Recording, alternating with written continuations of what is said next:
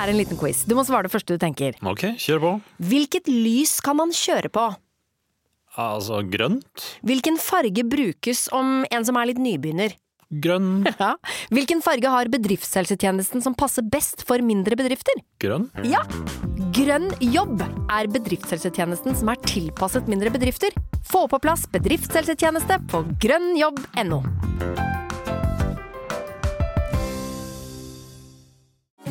Nå er det påskesalg hos Ark. Du får 30% på påskekrim og 40% på alle spill og puslespill. Jeg gjentar Ark har 30% på et stort utvalg krim og 40% på spill. Det er mye påske for pengene.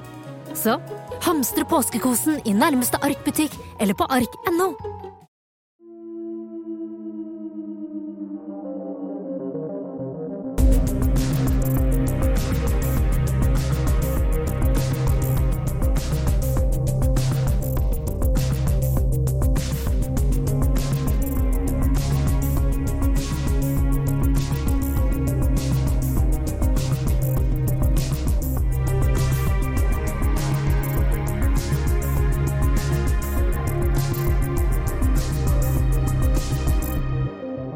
dag blir det veldig spennende. Vi skal faktisk få besøk av en av Nokas-ranerne. Og for de av dere som lurer på hva Nokas-ranet var, så var det faktisk norgeshistoriens største ran. Ja, det var en veldig dramatisk hendelse som fant sted i Stavanger i 2004, der en eh, gruppe ranere tok eh, full kontroll over Stavanger sentrum og tok seg inn i telesentralen og fikk med seg 57 millioner kroner ut. Og omtrent 50 millioner er fremdeles ikke gjort rede for. Ja, og det har jo vært sånn i alle år at de som ble dømt for det ranet, de har ikke vært villige til å si noen verdens ting. Men i dag har vi blitt lovet å få høre i hvert fall historien fra én av ranerne. Velkommen til oss, Kjell Alrik Schumann. Du vokste opp på Finnskogen, gjorde du ikke det? Hvordan var det? Jo, jeg vokste opp på Finnskogen. Jeg var eh, to år gammel da vi flytta opp til Finnskogen. Og eh, jeg tror det har vært ganske greit, egentlig. Mye klatring i trærne? Ja da. Det ble jo eh, mye skog i det området. Det er veldig mye skog. Så jeg er vokst opp midt i skogen. Og det er jo Det er klart at i dag så er det jo veldig annerledes enn hva det var da, for da var det mye mer folk der oppe. Mm. Så det der med av at folk flytter til byer og slike ting, det har man jo sett der oppe, da i det området jeg vokste opp. Ja, Det har blitt litt færre folk? Ja, vi var store kull når jeg vokste opp der. Vi var 30 stykker i klassa. Og ja da, det var en helt annen greie på 70-tallet. Men du, du har blitt framstilt i mediene som uh, hva skal jeg si, det verste av det verste. Livsfarlig kriminell. Uh, er det sant? Er du det? Er du livsfarlig? Altså Livsfarlig, livsfarlig Det er klart at Fremstillinga der, uh, den, den, har jeg jo fått etter at det som skjedde i Stavanger. Uh, før det som skjedde i Stavanger, så var det ikke noe grunn til å mene at jeg eh, var livsfarlig. Så det, det, det henger på, det henger på Nokas-saken. Det som skjedde i Stavanger. Ja, fordi at i hvert fall Det inntrykket jeg satt med den gangen, var at du hadde et ransmiljø på Østlandet som hadde herja i, i, mange år, fra 98 kanskje. Det gikk masse tellesentraler, eh, pengetransporter osv. Og, og at eh, det var, liksom, var en fast kjerne med medlemmer og personer som gjorde alle disse tingene. Men var du en del av det? Altså, Jeg ser jo det nå i ettertid, at det, jeg har blitt fremstilt som om at jeg er en del av det miljøet. Det er, og det er klart at det, eh, jeg kjenner jo flere av de som eh, sikkert var i det miljøet. Det gjør jeg nok. Men jeg følte ikke at jeg var en del av det miljøet. Det gjorde jeg ikke. Men deltok du i noen av de Altså Vi vet jo at du deltok i Nokas-ranet, for det er du dømt for. Men ja. deltok du i f.eks. anslagene mot Telesentralen på Løren flere ganger? Postens brevsentral uh, osv. osv.? Nei. Jeg deltok ikke i de rana der, men jeg var jo, eh, jeg var jo mistenkt for bl.a. Eh, eh, Lørenranet. Det ble jeg mistenkt for. Det på 30 millioner. Mm. Det var jo, eh, Den gangen så var jo det fordi at jeg hadde en, eh, en bil som var eh, ganske så lik den som ble brukt på det ranet. Det var en eh, S80 Volvo.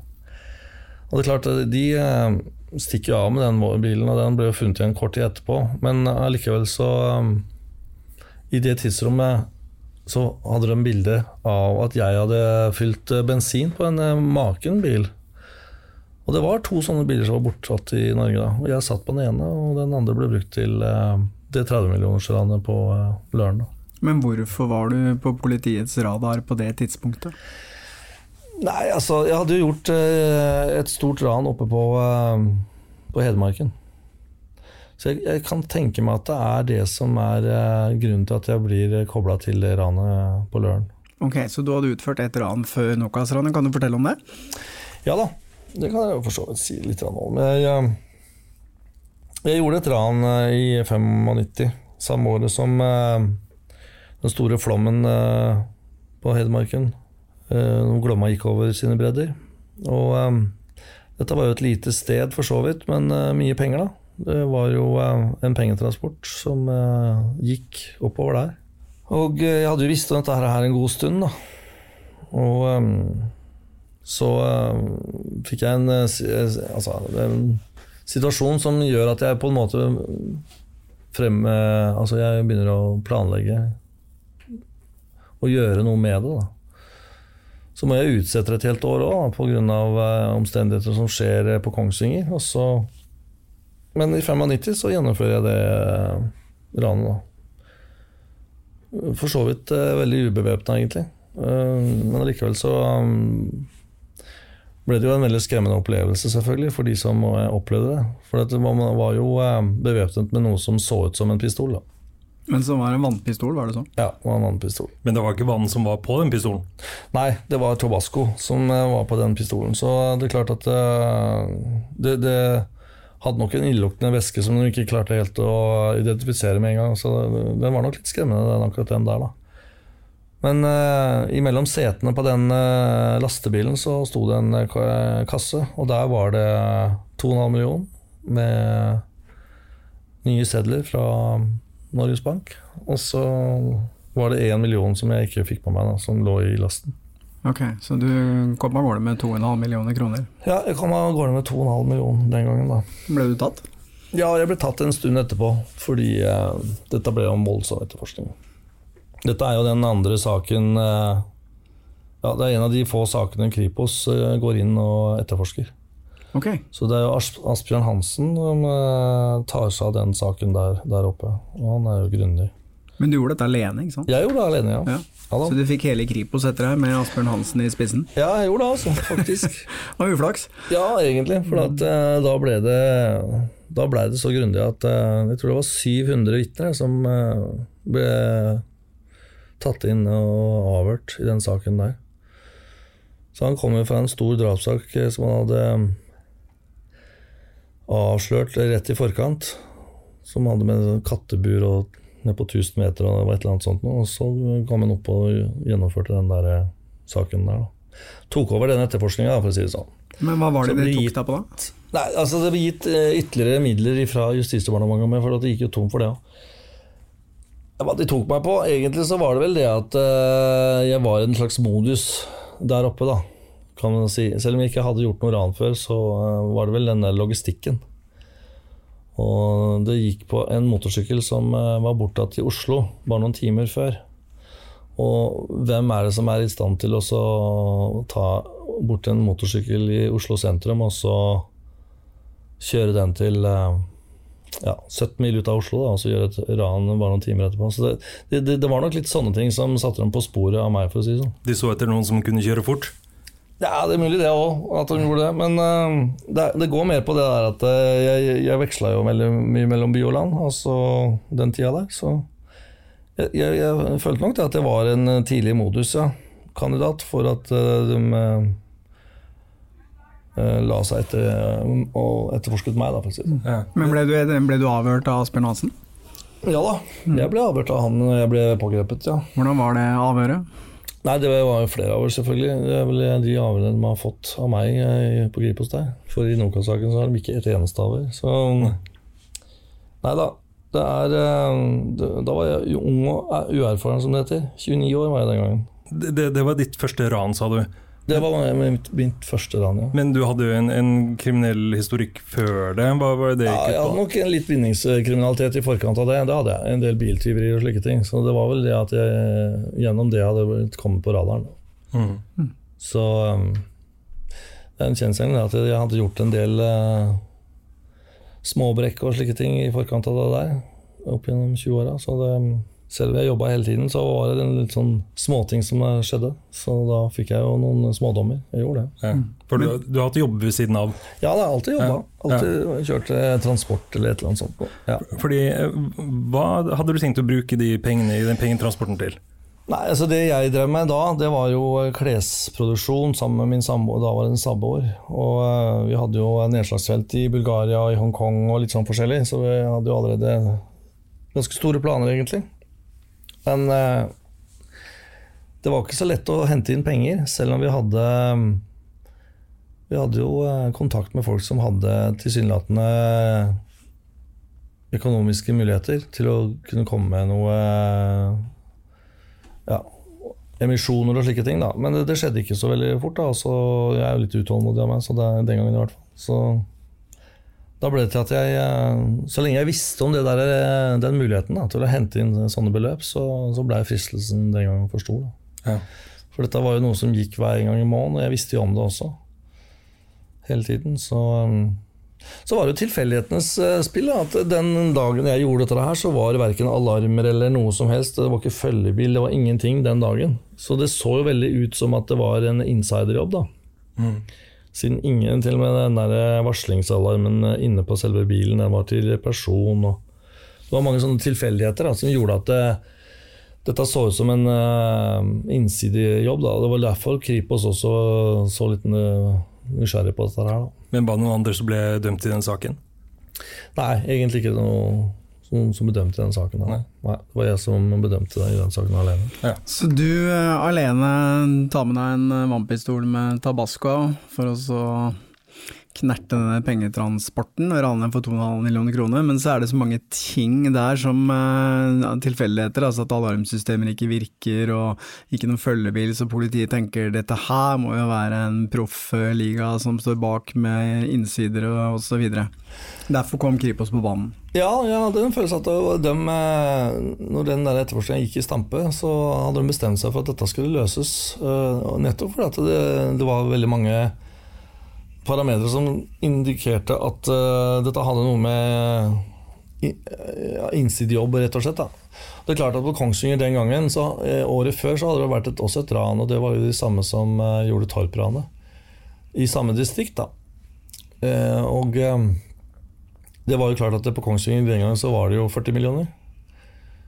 Og på den der telesentralen. Og dette her ble da splitta opp, og så ble det kjørt ut i forskjellige postlastebiler. Den, eh, den eh, transportruta som jeg tok, da, den hadde jo rett i forkant så hadde den hatt eh, tre millioner til, den, egentlig. Så det er klart, sett i ettertid så kunne man selvfølgelig tatt den enda tidligere. Nærmere Kongsvinger. Det har jo gått en del år siden det, dette var midten av 90-tallet. Ja, det var 95. Og Du var ikke så du var ikke så gammel, for å si det sånn. Ja. Hvis du liksom tenker litt tilbake på det nå, du sier jo selv at det var sikkert en skremmende opplevelse, fordi det var jo et våpen som så ut som et våpen. Ja. Tenker du om det i dag, eh, for de som liksom kjørte den bilen? Reflekterer du over det i hele tatt? Ja da, det er klart man reflekterer over sånt. Og det er klart at de, er jo i, de bor jo i eh, området også. Og jeg kjenner jo folk som uh, bl.a. har vært er nabo til eh, dem, som har snakket med dem. Og ja da. Så jeg har jo fått med meg eh, hvordan dette her har vært. da. Så de sa nå sjøl at de var på jobb dagen etterpå, og slike ting, men det er klart at de, jeg tror nok det at de bærer Når de så Nunca-saken eh, nesten ti- altså ti år etterpå, så er det klart at de tenkte nok sikt da, vil jeg tro. Så, sånn sett, da. Men hva gjorde du med de pengene da? Investerte dem i Det ble jo brukt en del av det til uh, forskjellige ting, selvfølgelig, men uh, noe, uh, noe ble jo kom jo tilbake igjen også, noen, noen kroner. Men det blir jo litt sånn Det blir annerledes. Alt blir annerledes når du har gjennomført noe sånt og så sitter på pengene og det, det, du blir utålmodig. Det det er ikke noe sånn da, Det er ikke bare å skive dem inn der hvor du har lyst til å skive dem inn. Altså. Nei. Og så, jeg følte jo på det etterforskninga den gangen. Når Kripos kom inn i bildet, jeg fulgte veldig med på etterforskningen. Og av eh, 700 stykker det er bygd som blir avhørt, og jeg ikke blir tatt inn til avhør, så skjønner jo det at eh, hvem de tenker på. For, litt av målet ditt var å føre penger inn i dette klesselskapet? Ja, det var jo for å smøre opp det, for å si det sånn, slik at folk eh, At det ble en eh, litt mer struktur i, i, i det klesfirmaet. At Ja. kunne få kommet i gang. da. Men det, det er ikke bare å begynne å betale ansatte og, og eh, syerskere og sette i gang, liksom. For dette folk vil jo lure. Cash. Ja, og Så ble jo folk tatt inn til avhør og slike ting, og da, da, da, da, begynte det jo å bli varmt. ikke sant? Så det gikk jo bare til Vi var jo inne Det var jo eh, Jeg var jo i Hongkong eh, plutselig en tur, også, og da ble jo alle tatt inn til avhør etterpå. Sånn, så det, det, det, det hele det, Du skjønte at det var en eh, situasjon hvor Kripos eh, jobbet tett på, for å si det sånn. Og eh, jeg ble jo litt lurt på en uh, leiebil som jeg hadde. En Audi som uh, Som Hatch Man hadde leasa gjennom Hatch, da. Og så kommer Hatch ned og skal hente den bilen fordi at de mener at eh, det var noe som ikke var betalt på den. Som egentlig var bare iscenesatt.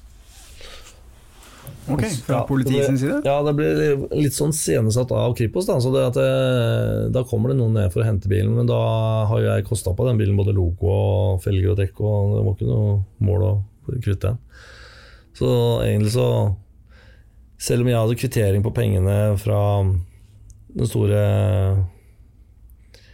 ja, det var vel en, eh, Jeg hadde jo kvittering på pengene, for så vidt, som jeg betalte den bilen med. Da. Så allikevel så blir du iscenesatt av Gripos. Den går jo inn og gjør sånne ting, da, selvfølgelig. Ja, Så det var nok en medvirkende årsak til at jeg ble tatt, selvfølgelig. At jeg plutselig kjøpte den bilen. Da. Selv om jeg hadde kvittering på pengene, på en måte. Ikke sant? Men uh, fikk Asbjørn Halsen deg til å tilstå? Ja, altså det er klart, Når du har en samboer som plutselig er rullet inn helt uskyldig, på en måte, så, så følte jeg at jeg måtte si noe den gangen for å få henne ut av saken. Å ja, for hun sto i fare for å bli involvert? Ja da, hun ble også siktet i den saken der. Så da tenkte jeg at det, det var ikke noe hensiktsmessig at hun eh, satt, og, satt inn, for å si det sånn. Så da tilsto jeg den gangen. Mm. Hvor, eh, hva slags dom fikk du? Jeg fikk tre år og seks, jeg. Tre år og seks tre år og seks fikk jeg eh, for den saken der. Ja. Mm. Det gjorde jeg. Og det er den eneste alvorlige dommen du hadde før Nokas-ranet? Ja, det er det faktisk. Mm. Men eh, ok, så eh, når slapp du ut av fengsel? Da så slapp jeg vel ut eh, som eh, 32-åring, vel, i 98. Ok. Og så gikk det jo noen år da, fram til Nokas-ranet i 2004. Kan du Mm. fortelle litt om den perioden? Hva holdt du på med da? Nei, altså Når du sitter inne i fengsel og sånne ting, så er det klart at det, man tror gjerne det at eh, fengsel skal bygge, bygge deg inn i en eh, mer lovlydig borger. Men det er ikke alltid det slår til. Da. Så jeg fikk jo allerede en ny dom igjen i eh, 2000 og, ja, i løpet av 2000 der, vel. 2001, 2000, ja. Det var vel noe sånt noe. Og eh, når jeg hadde sona ferdig den, så dro jeg vel eh, en tur til Dubai og bodde der et halvt år. Etter det. Og um, pussa opp en gelendervogn, husker jeg at jeg drev med. Så det var jo eh, hele våren 2003 jeg eh, var der nede, da. Og så kom jeg tilbake igjen i eh, 2000 og, slutten av 2003, da, for å si det sånn. Eller okay. fra mai og utover, da. Da var du tilbake i Norge. Men, tilbake men hva ble du dømt for i 2000? Nei, det var, eh, det var en biltyveri, blant annet. Og så var det mm, Det var jo blant annet den der saken da med Løren, hvor jeg ble, eh, fikk den der Volvoen mistenkt. Det var jo sånn den der saken begynte å nøstes opp. Da fikk jeg den bilen der, og så da fikk jeg en voldsom etterforskning eh, rundt meg. Og da, da dro de fra meg bl.a. noen våpengreier og noe sånt noe, som jeg ikke følte helt var, hadde med meg å gjøre, men eh, det ble noe sånn, da. Så ble jeg dømt for det, i hvert fall. Og så, eh, så da sitter man 22 måneder og kommer ut igjen som eh, en lastebilsjåfør, da, for så vidt. Og jobba på Fretex den gangen. Men man- har jo lest veldig mye om at uh, når man sitter i fengsel, så, uh, så er det ofte mange som knytter nye kriminelle kontakter og lærer mer om kriminalitet, og at det på mange måter er nesten en skole for kriminelle. Da. Hvordan oppfatta du de to fengselsoppholdene dine? Nei, det er klart det første fengselsoppholdet der, som hadde den lengden som 28 måneder, da, hvor du sitter inne, tre år og seks Det er klart at det, det er ikke noe du bygger jo ikke akkurat uh, fremtiden ved å sitte i fengsel. Selv om du uh, tar en utdannelse, så er det allikevel ikke gitt at du uh, kan bruke det, det, Du blir jo satt veldig tilbake. Og Det samme også med den andre dommen. Jeg blir jo satt tilbake. og Du prøver jo liksom å komme ut og, og, starte opp på nytt og, og jobbe og, og, sånne ting, men det er, det er Det er ikke lett. Det er ikke lett å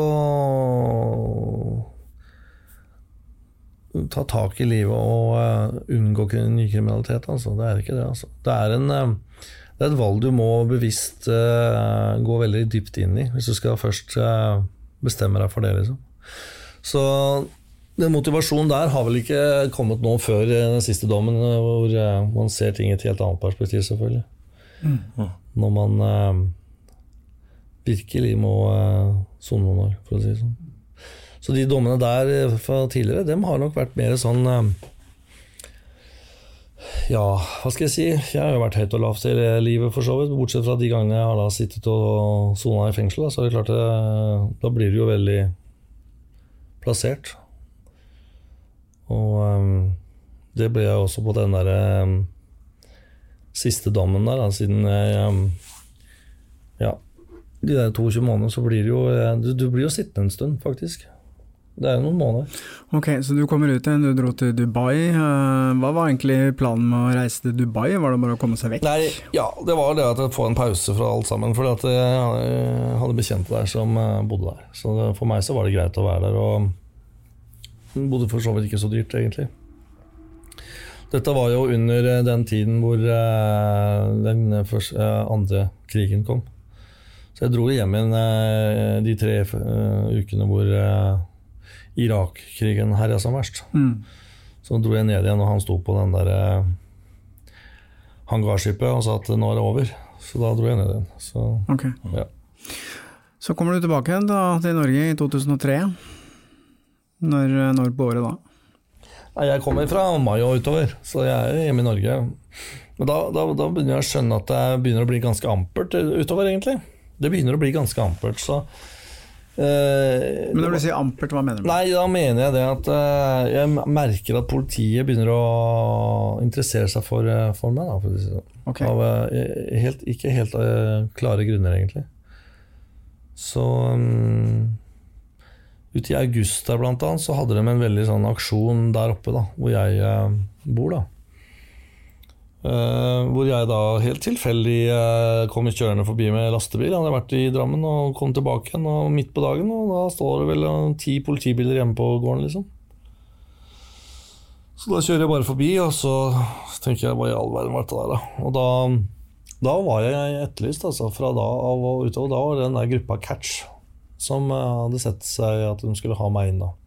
Men hva var du etterlyst for da, da? Nei, Jeg vet ikke helt eksakt hva jeg var etterlyst for, for de fikk ikke tak i meg. Så jeg fikk aldri, eh, jeg fikk aldri noen greie på hva det der egentlig gikk i.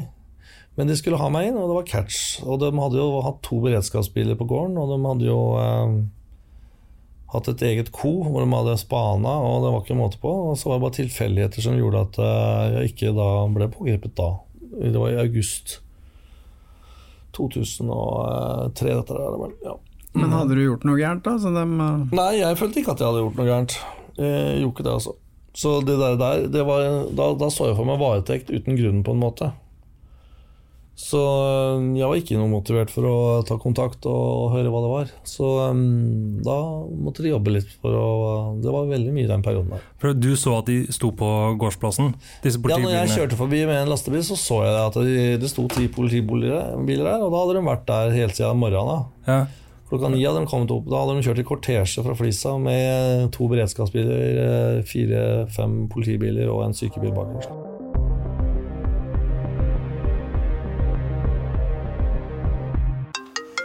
Nei, men er det ikke selveste Larsen som ringer, da? Ja, hvordan går det? Jo da, det kan ikke annet enn å klage, si.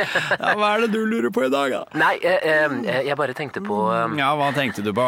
den fakturaen som har forfalt. Å ja, den ja. Oh, jeg må rett og slett bare ha glemt den fakturaen. Jeg- Jeg skal betale Visste du at åtte av ti betaler etter første purring? Ikke vent for lenge. Med Amili, en ny løsning fra Visma, får du alt du trenger for raskere betaling. I én komplett løsning. Se hvordan på amili.no. For jeg leste et eller annet sted om at du hadde ligget observert politiet Ja, de som mente og trodde det, da, men det var ikke det. Jeg kjørte helt tilfeldig, for kom sånn sånn tolv etter, da, og da løfta sperringa akkurat når jeg kom. Ja, ok. Så da kjørte jeg inn da, og kjørte forbi, og jeg syntes det var noe rart. For jeg så, det, jeg så jo den sperringa løfta, jeg skjønte jo ikke helt hva det var. Men eh, når jeg kjørte forbi gården, så skjønte jeg hva det var. Ja, ja. Det var kanskje avisa som ønska, og det var da du begynte å få dette tilnavnet Skyggen. Nei da, jeg fikk ikke det tilnavnet der. Ikke? Neida, neida. nei det, for det fikk jeg i forbindelse med Nokas-saken. Okay. For det var en eh, lensmannsbetjent som ble avhørt. Men har du noen gang Eller så, som, eh, av, av avisa, da, som sa at eh, vi kaller dem for, bare for det. Jeg var ikke klar over at de kalte meg for det. Nei. Jeg gjorde ikke det. Du følte, følte deg ikke som noen skygge? Nei, jeg har ikke følt meg som noen skygge noen gang, egentlig. Fant du noen gang ut eh, hva det dreide seg om den gangen? Nei, jeg, jeg, skjønner, altså, jeg har aldri blitt forespurt det. Så de, de, de, de må huske på det at da har du, da har de catch, det er 200 mann, det er en egen avdeling oppe på Kripos som eh, jobber veldig for å få tak i meg. Resten av den fra august, hele høsten, og eh, helt fram til jul. Og da er det jeg blir så lei at eh, jeg får et tilbud om å reise til Stavanger og se på telesentral der nede, og så får jeg en leilighet der nede, og da gjør jeg det. Ja, Det var på mange måter en litt sånn utløsende faktor for at du dro til Stavanger, da, eller? Ja da, altså jeg syns at det begynte å bli litt sånn slitsomt å ha så mye mas, da. For det var jo det. Det var jo Hele den høsten var det jo veldig mye um, spaning og veldig mye fram og tilbake. Det var jo det. Det var mye forsøk på bugging, eh, masse utstyr, eh, helikopter og masse greier. Altså. Det hadde vært hele høsten men så dabba det litt av eh, mot jul da, likevel. Men jeg tror de forandra litt på taktikk, da, for å si det sånn. Men det blir nok ikke du, altså, du blir jo ikke noe mindre nysgjerrig når du ikke får tak i fyren. Skjønner jeg jo. Nei, da har du liksom noe å skjule. Jeg er mer der at jeg ønsker ikke å sitte i varetekt. Jeg er ikke så glad i varetekt. For jeg har sittet i eh, lengre perioder i varetekt uten at jeg syns det har vært noe greit. da. Gjerne sitte fram til at det, det var jo det som skjedde i 2000. At jeg måtte sitte i varetekt fram til saken kom opp, og så fortsatte jeg bare til, til dommen var ferdig. liksom. Og det, det at de gjør noe sånt det, altså Når du først sitter i varetekt, så er det veldig, også veldig lett å bli dømt. Rett og slett. Fordi at da har du sittet i varetekt, og så nøstes det opp en del saker, og da blir du gjerne sittende der i påvente av dom, og så er det veldig lett at du får en, eh, en eh, Alt blir sett på som en straff, da. Og du får gjerne en lengre straff òg ved at du sitter i varetekt, for da befatter du jo også den varetektstiden. Mm, du skal ha fradrag for det. Ja, altså du skal ha fradrag, men da legger de også til. Så det er en sånn, det er en sånn strek i regninga å bli arrestert her. Altså. Du sa at du ble kontakta og øh, fikk tilbudet til å være med til Stavanger. Mm. Kan du si noe om hvordan det, det foregikk? Nei, jeg reiser nå dit den siden jeg har den kunnskapen jeg har om, eh, på det tidspunktet i hvert fall, om eh, overvåkningsutstyr og slike ting. Og så syns jeg det kunne være greit å reise ut av Oslo og området Østlandet. Nettopp fordi at det var slik som det var den gangen. da. Og da kommer til Stavanger, så er det greit for så vidt i begynnelsen der, da. Det er det jo. Så da holder jeg på der ute. Bor jo i byen der da, og etablerer meg, liksom. Eller så holder jo til der, da. I Stavanger. Men du skulle kartlegge telesentralen. Jeg skulle kartlegge den nye telesentralen telesentralen ja, den nye, ja, Den nye tele- telesentralen. Den gamle skulle ikke Nei nei. Det var noe som kom opp når, vi, eh, når jeg kom dit ned. Så begynte man å se litt på den. Så fikk man informasjon om den, og så ble det til at man ser mer og mer på den. Til man skjønte at eh, den nye er jo mye mer forsterka i forhold til den gamle.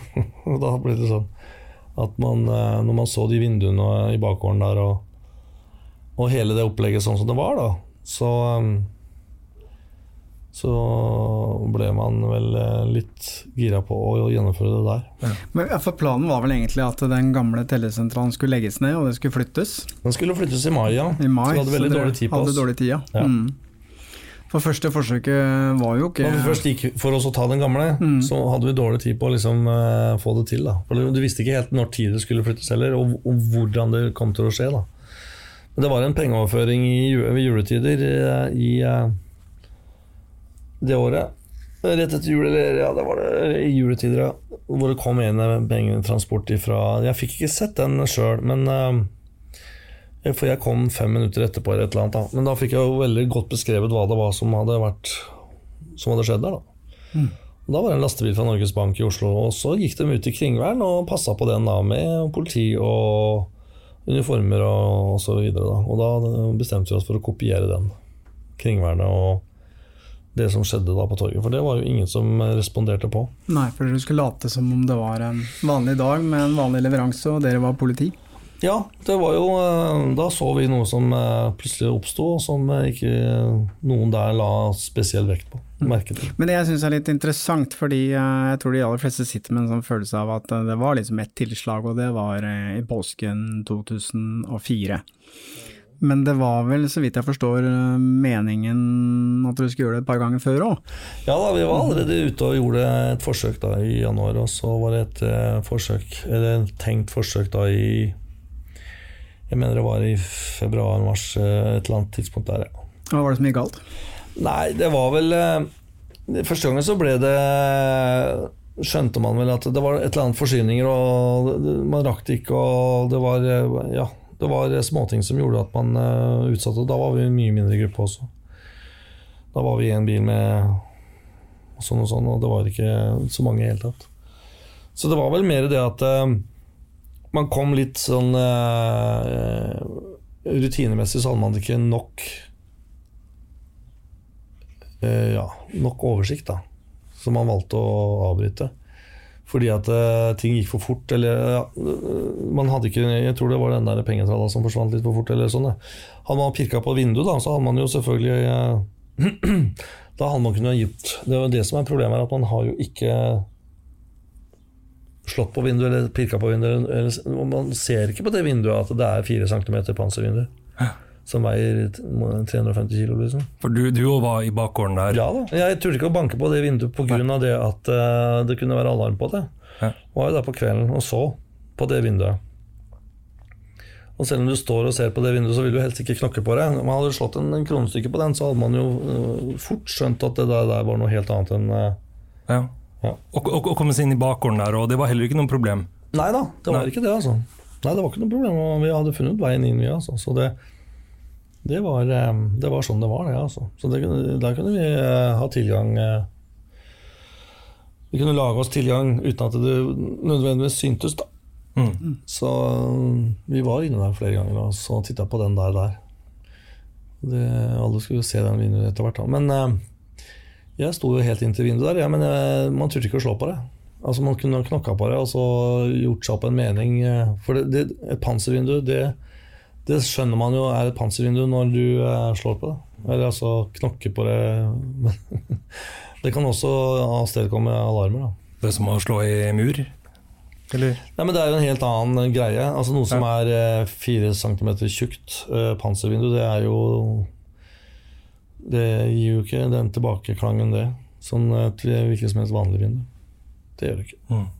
Men jeg forstår det sånn at et av de tidligere forsøkene så ble jo Så hadde vel egentlig du politiet på hjul, hadde du ikke det? Ja, jeg, om det? eh, på andre forsøket så, så følte jeg at eh, det var spaning. Så um, Men hva var det som skjedde da? Nei, jeg kjørte nedover med en semitrailer med to biler. To sånne Ford Excursion. Og da Under den transporten der så eh, følte jeg på opplastinga, så var det veldig mye politi i området, syns jeg. Og det skjedde oppover Skedsmo der. Og da, når du, når du ser så mye eh, både sivilt og uniformert da, uten at det skjer noe, så, så var det litt spesielt, syns jeg. Og så hadde jeg en sånn derre pad som eh, den gangen var veldig spesiell, men det var en sånn GMs, GSM GSM eh, tracker. Spor, ja, tracker, ja. Mm. og den hadde aldri slått ut før. Men uh, når jeg tok ut den semitrekkeren, så var den på en måte bugga. Uh, følte jeg. Så, og den, det ga seg ikke. Og det at den semi-trekkvogna var bugga det, Selvfølgelig så tenker man jo det at det, der den kom fra, så kunne den ha en Adax eller slike ting, da. Som kunne være sporingssystem, da, selvfølgelig, som den hadde. Dette var en bil til salgs, så en kundebil som vi hadde hatt en stund. Så det ville være rart at eh, den inneholdt det òg, for så vidt. Men jeg, man kunne jo aldri være sikker, da. Men eh, når jeg da ser på omgivelsene og ser at eh, Spesielt når jeg kommer til Stavanger. Da blir jeg veldig sånn der, eh, var. Når jeg da slår på den, så ser jeg at det er samme avstand og samme alt eh, på den sporinga. Så ser jeg det, Men når jeg da også ser en bevegelse, rar bevegelse veldig tidlig om morgenen, sånn i 5-60 om morgenen, liksom, så blir jeg nærmest veldig sikker altså, på at det er spaning. For da, da kan du se på den paden at det foregår noe Jeg får jo hele tiden eh, Mobilaktivitet. eh, mobilaktivitet Ja, fra den eh, trekkvogna. Ja. Med, med helt faste mønster. Helt faste mønster. Når du kjører over til Stavanger, så er det områder hvor du ikke hadde dekning på den tiden. der. Så det vil jo være områder som ikke eh, slo inn på den samme måten. da. Men eh, denne ga fra seg signaler hele tiden, den der, den greia som var i den trekkvogna. Og det var ikke din egen telefon? Nei, Som- den eh, slo av slo alt, jeg. Jeg hadde ikke det telefonene mine på i hele tatt. Jeg. Nei. Nei. Så, og jeg hadde jo mange andre biler, og hadde, denne her sto, hadde jeg med meg overalt. Så denne slo bare ut på trekkvogna. Og dette var jo den trekkvogna Da hadde den stått lagra i en garasje den eh, en stund. Så hva som har skjedd rundt den trekkvogna i det tidsrommet der, det, det, det vet jeg ikke. altså. Og de Fordene som du hadde lasta opp på den, de skulle Ja, og jeg tror heller ikke de var begge. De hadde også stått i den garasjen. da. ja, hva, hva skulle de brukes til? Nei, de skulle brukes til det ranet som uh, var i Stavanger. da. Mm. Men uh, når jeg skjønner at det er slik, så uh, så prøver jeg å fortelle at det er Dette her er for Dette er blåst. Politiet vet noe. Men der ble jeg motarbeida, for det, politiet Da hadde jo de storma, mente ble det. Det ble jo liksom sånn, da. At eh, da hadde politiet storma. Dette der hvis de hadde, visst det. Men jeg er jo ikke så sikker på det, da. Jeg er jo ikke det. Jeg har jo en følelse av hvordan de jobber. Ja. For, for du kom, det var eh, en, han med hadde en taxien. Ja, det var en drosje som kom opp på Volvo når jeg hadde rigget inn på eh, Først var jeg på Scania, og så kjørte jeg over til Volvo. For det, det var noe der som skjedde også på Scania. Men eh, jeg kjørte over til Volvo, for det var nærmere der hvor uh, denne adressen, den leiligheten, var. da. Oppe på uh, dette store senteret, da. Og så uh, Kvadrat. Og Ved siden her så er det Volvo, og da rigga jeg inn der. Og akkurat når jeg rygga inn der, så kommer det en drosje midt ute på plassen, og så går det ut en eh, kar. Og han ser ikke på den trekkvogna. Den eneste trekkvogna som står og går, er jo den jeg har. Akkurat stoppa Altså jeg hadde akkurat tatt av hengeren. Så da kjører jeg etter den med trekkvogna bare. Og ved første anledning han får til å stikke av, så, så stikker jo han av. Løp av gårde. Det er jo et, ja, altså, han må ha gjort det, for at det er et område hvor det er ganske oversiktlig. Men når jeg snur og, og skal tilbake og se etter den, så er den helt vekk. Ja. Ut av hele det er ganske stort området, liksom. Så og Da hadde han gått veldig bevisst ut av det området. Det er helt unaturlig å kjøre inn der, og så gå helt ut av området klokka fem om morgenen. Da tar du drosje hjem, altså. Ikke sant? Du gjør det. Han kom inn på en stor parkeringsplass og ble Stor satt plass inne på Volvo. Ja. Der hvor jeg sto, liksom. Og den var litt sånn bardust, så kjørte drosja inn på plassen, liksom. Så, og drosje, liksom. Ja ja, greit, men eh, det er jo en veldig god spaningsenhet, det. da I hvert fall hvis det er alle eh, Hadde det vært noe som ligna på en privatbil, så hadde du vært helt sikker, liksom. Men en drosje, så får du litt sånn derre Men jeg tror det, det der var spaning, jeg, altså. Jeg får ikke det der til å bli noe annet, jeg. Det, det ble jo veldig sikker etterpå, da, for å si det sånn. Ja, Så da var jo du ganske sikker på at politiet visste noe, Jeg hadde en stygg mistanke om at, det- at det var på hjul, ja. Og du sa det til de andre, men de ville ikke høre. Nei, jeg, fikk ikke noe gehør den gangen for det. Det, det forstår jeg jo, for det, det er jo lett å bli paranoid i en sånn der Når du først har hatt ett forsøk, eh, samling, eh, all den logistikken som skulle på plass da, og så er det veldig mye rundt den andre. Og da er det lett å liksom begynne å tenke Er det noen som er på Hva, hva skjer, liksom? Og det økte jo i litt, så det er klart at da, da blir det jo når, eh, når du har sett politiet så mye som jeg hadde sett politiet da, på det tidspunktet Jeg hadde jo hatt catch etter meg hele høsten. eh, fra august Og det er jo 200 veltrente eh, spanere, det, altså. Som uh, jobba der. Så når ikke de hadde fått tak i deg, så da, da var jo jeg litt sånn opparbeida på hvordan de jobba. Mm. Men jeg blir jo litt nysgjerrig, fordi ok, forsøk nummer to, så mener du at politiet er på sporet av dere. Mm. Og det blir uh, avlyst da, var det av det? Nei, altså jeg tror det ble avlyst pga. Av at jeg gjør det jeg gjør. Jeg, om morgenen så kjører jeg den trekkvogna og hele konverset inn til Uten de der to bilene. Da. Jeg kjører trekkvogna inn til Oslo, og så setter den ifra meg der. Og så kjører jeg ned igjen. Men da kom jeg litt forsinka ned, og da, siden det ikke hadde vært mulig å få kontakt, så trodde de at vi kanskje var arrestert. Og så kom det vel en Securitas og kjente på noen dører i sentrum, der hvor de andre bilene sto. Som gjorde at det, det ble avbrutt alt sammen. Ja. For da, da, da, var det noe mistanke om at jeg var arrestert og sånn. Så når jeg kommer ned sånn i 4-5-tida på morgenen, så så var det avbrutt, faktisk. Men det var nok en direkte årsak av at jeg plutselig da blei borte, liksom. Det tror jeg nok. Men øh, jeg tror også da at det, fra da av så var det, ble det satt ned Det ser jo i dokumentene. At da ble det satt ned en leilighetsgruppe øh, i Stavanger. Som tangerer den datoen jeg var der nede med trekkvogna. Ja, med leilighetsgruppe så mener En gruppe du... politifolk som begynner å slå, eh, nidkjært gå gjennom alle utleieleiligheter i Stavanger. For å finne deg? For å finne meg, og, og blant annet meg og eventuelt andre. Mm. Det ser jo jeg, da. At uh, Ut ifra det der spaninga der, så ser jeg det at uh, At uh, den datoen jeg er der nede, med den trekkvogna. Fra da av så ser jeg i dokumentene at uh, de setter ned en, en sånn gruppe som sitter og jobber gjennom hele det utleiemarkedet.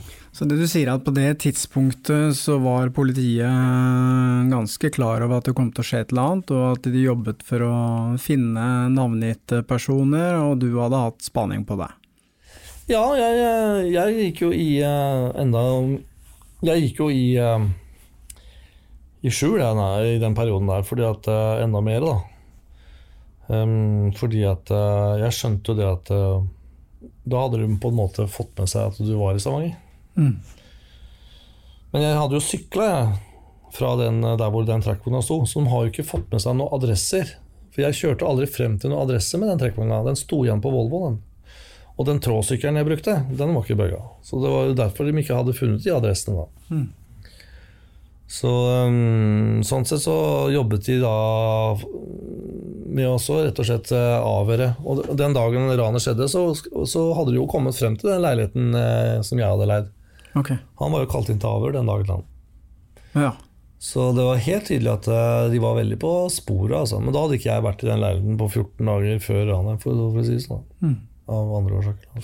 Men jeg bare tenker, hvis du på tidspunktet før dette ranet da visste at politiet var på sporet etter deg, du gikk i skjul osv., hva Tenkte du ikke på noe som helst tidspunkt at uh, kanskje det er greit å bare avbryte hele greia? Jo, jo, jeg var motivert for det. Jeg var mm. veldig motivert for å bare avbryte alt sammen, fordi at eh, jeg så jo ikke noe løsning på at eh, det ville gå bra, da. Mm. Men når du har vært med på den planlegginga, og sånn som man tenker, da, så tenker jo det at det er jo en fem til eh, Den gangen så var det jo ikke strafferammer sånn som, man, sånn som det ble.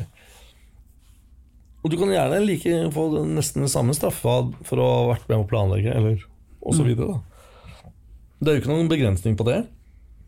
Så Så da kunne du like gjerne gjøre det? Det var vel det som var tanken. Og så er det det at det, det er jo noe som eh, Man vet jo ikke 100 Nei. For eh, Politiet er jo dyktig på å spane dem. Altså. Så det er klart at det, det, Når det ikke er noe som tyder på at noen ble arrestert, eller noe som helst, da, det, det, er jo også en sånn type annen greie. Da, at du skjønner at det går for glatt òg. Det, er jo, det er jo det motsatte. Når ting går for glatt, da er det også et varsel mm. om at ja, ikke sant? Kanskje det er noen som ja, altså legger til rette for at det skal riktig, gå glatt. Ikke sant? Mm. Og da, da, skjønner du det at det, det er jo sånn, de, sånn politiet jobber. da Det er jo ikke noe å lure på engang. Altså, selv den gangen så gjorde de det. da De lot uh, ting gå uh, Gå smooth, da. For det at du Du ble aldri stoppa, selv om du kjørte eh, nedover der, liksom. Men tror du at politiet kunne ha stoppet dere før ransdagen hvis de ville? Ja, altså sånn som jeg har lest dokumentene, så, så ser jeg jo det at eh, politiet var veldig klar over at vi skulle rane Nokas. Eh, fredagen eh, før mandagen, som var ransdagen, så var jo Hammersmark på, eh, på Norges Bank i Stavanger og snakket med banksjefen og fortalte at etter uka så kommer det et ran. Ikke ha for mye penger fremme. Og vi så jo, vi var jo i sentrum så mye at vi så jo det at han parkerte politibilen utenfor eh, Norges Bank. Vi stussa jo over det at den sto utenfor eh, Norges Bank.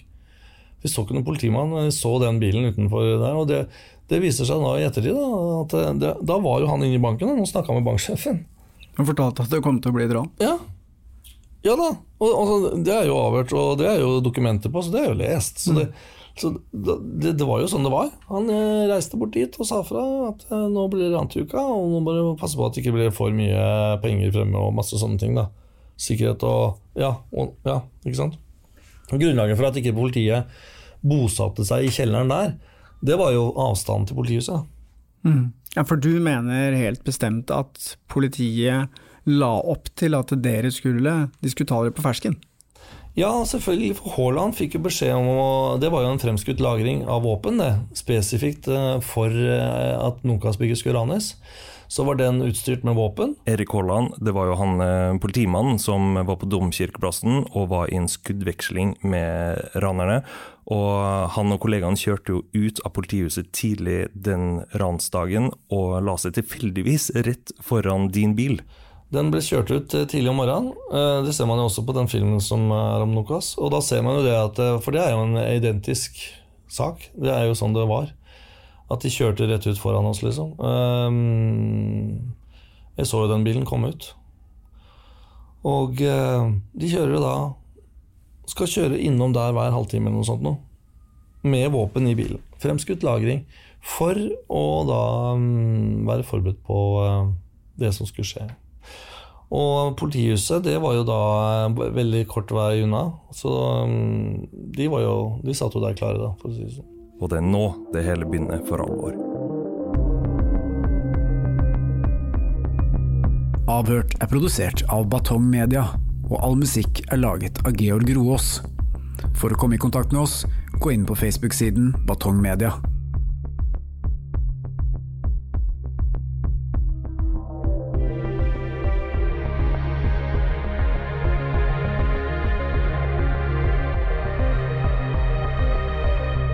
Hvis du vil høre flere eksklusive episoder av Avhørt, så gå inn på podme.no, eller last ned appen Podme.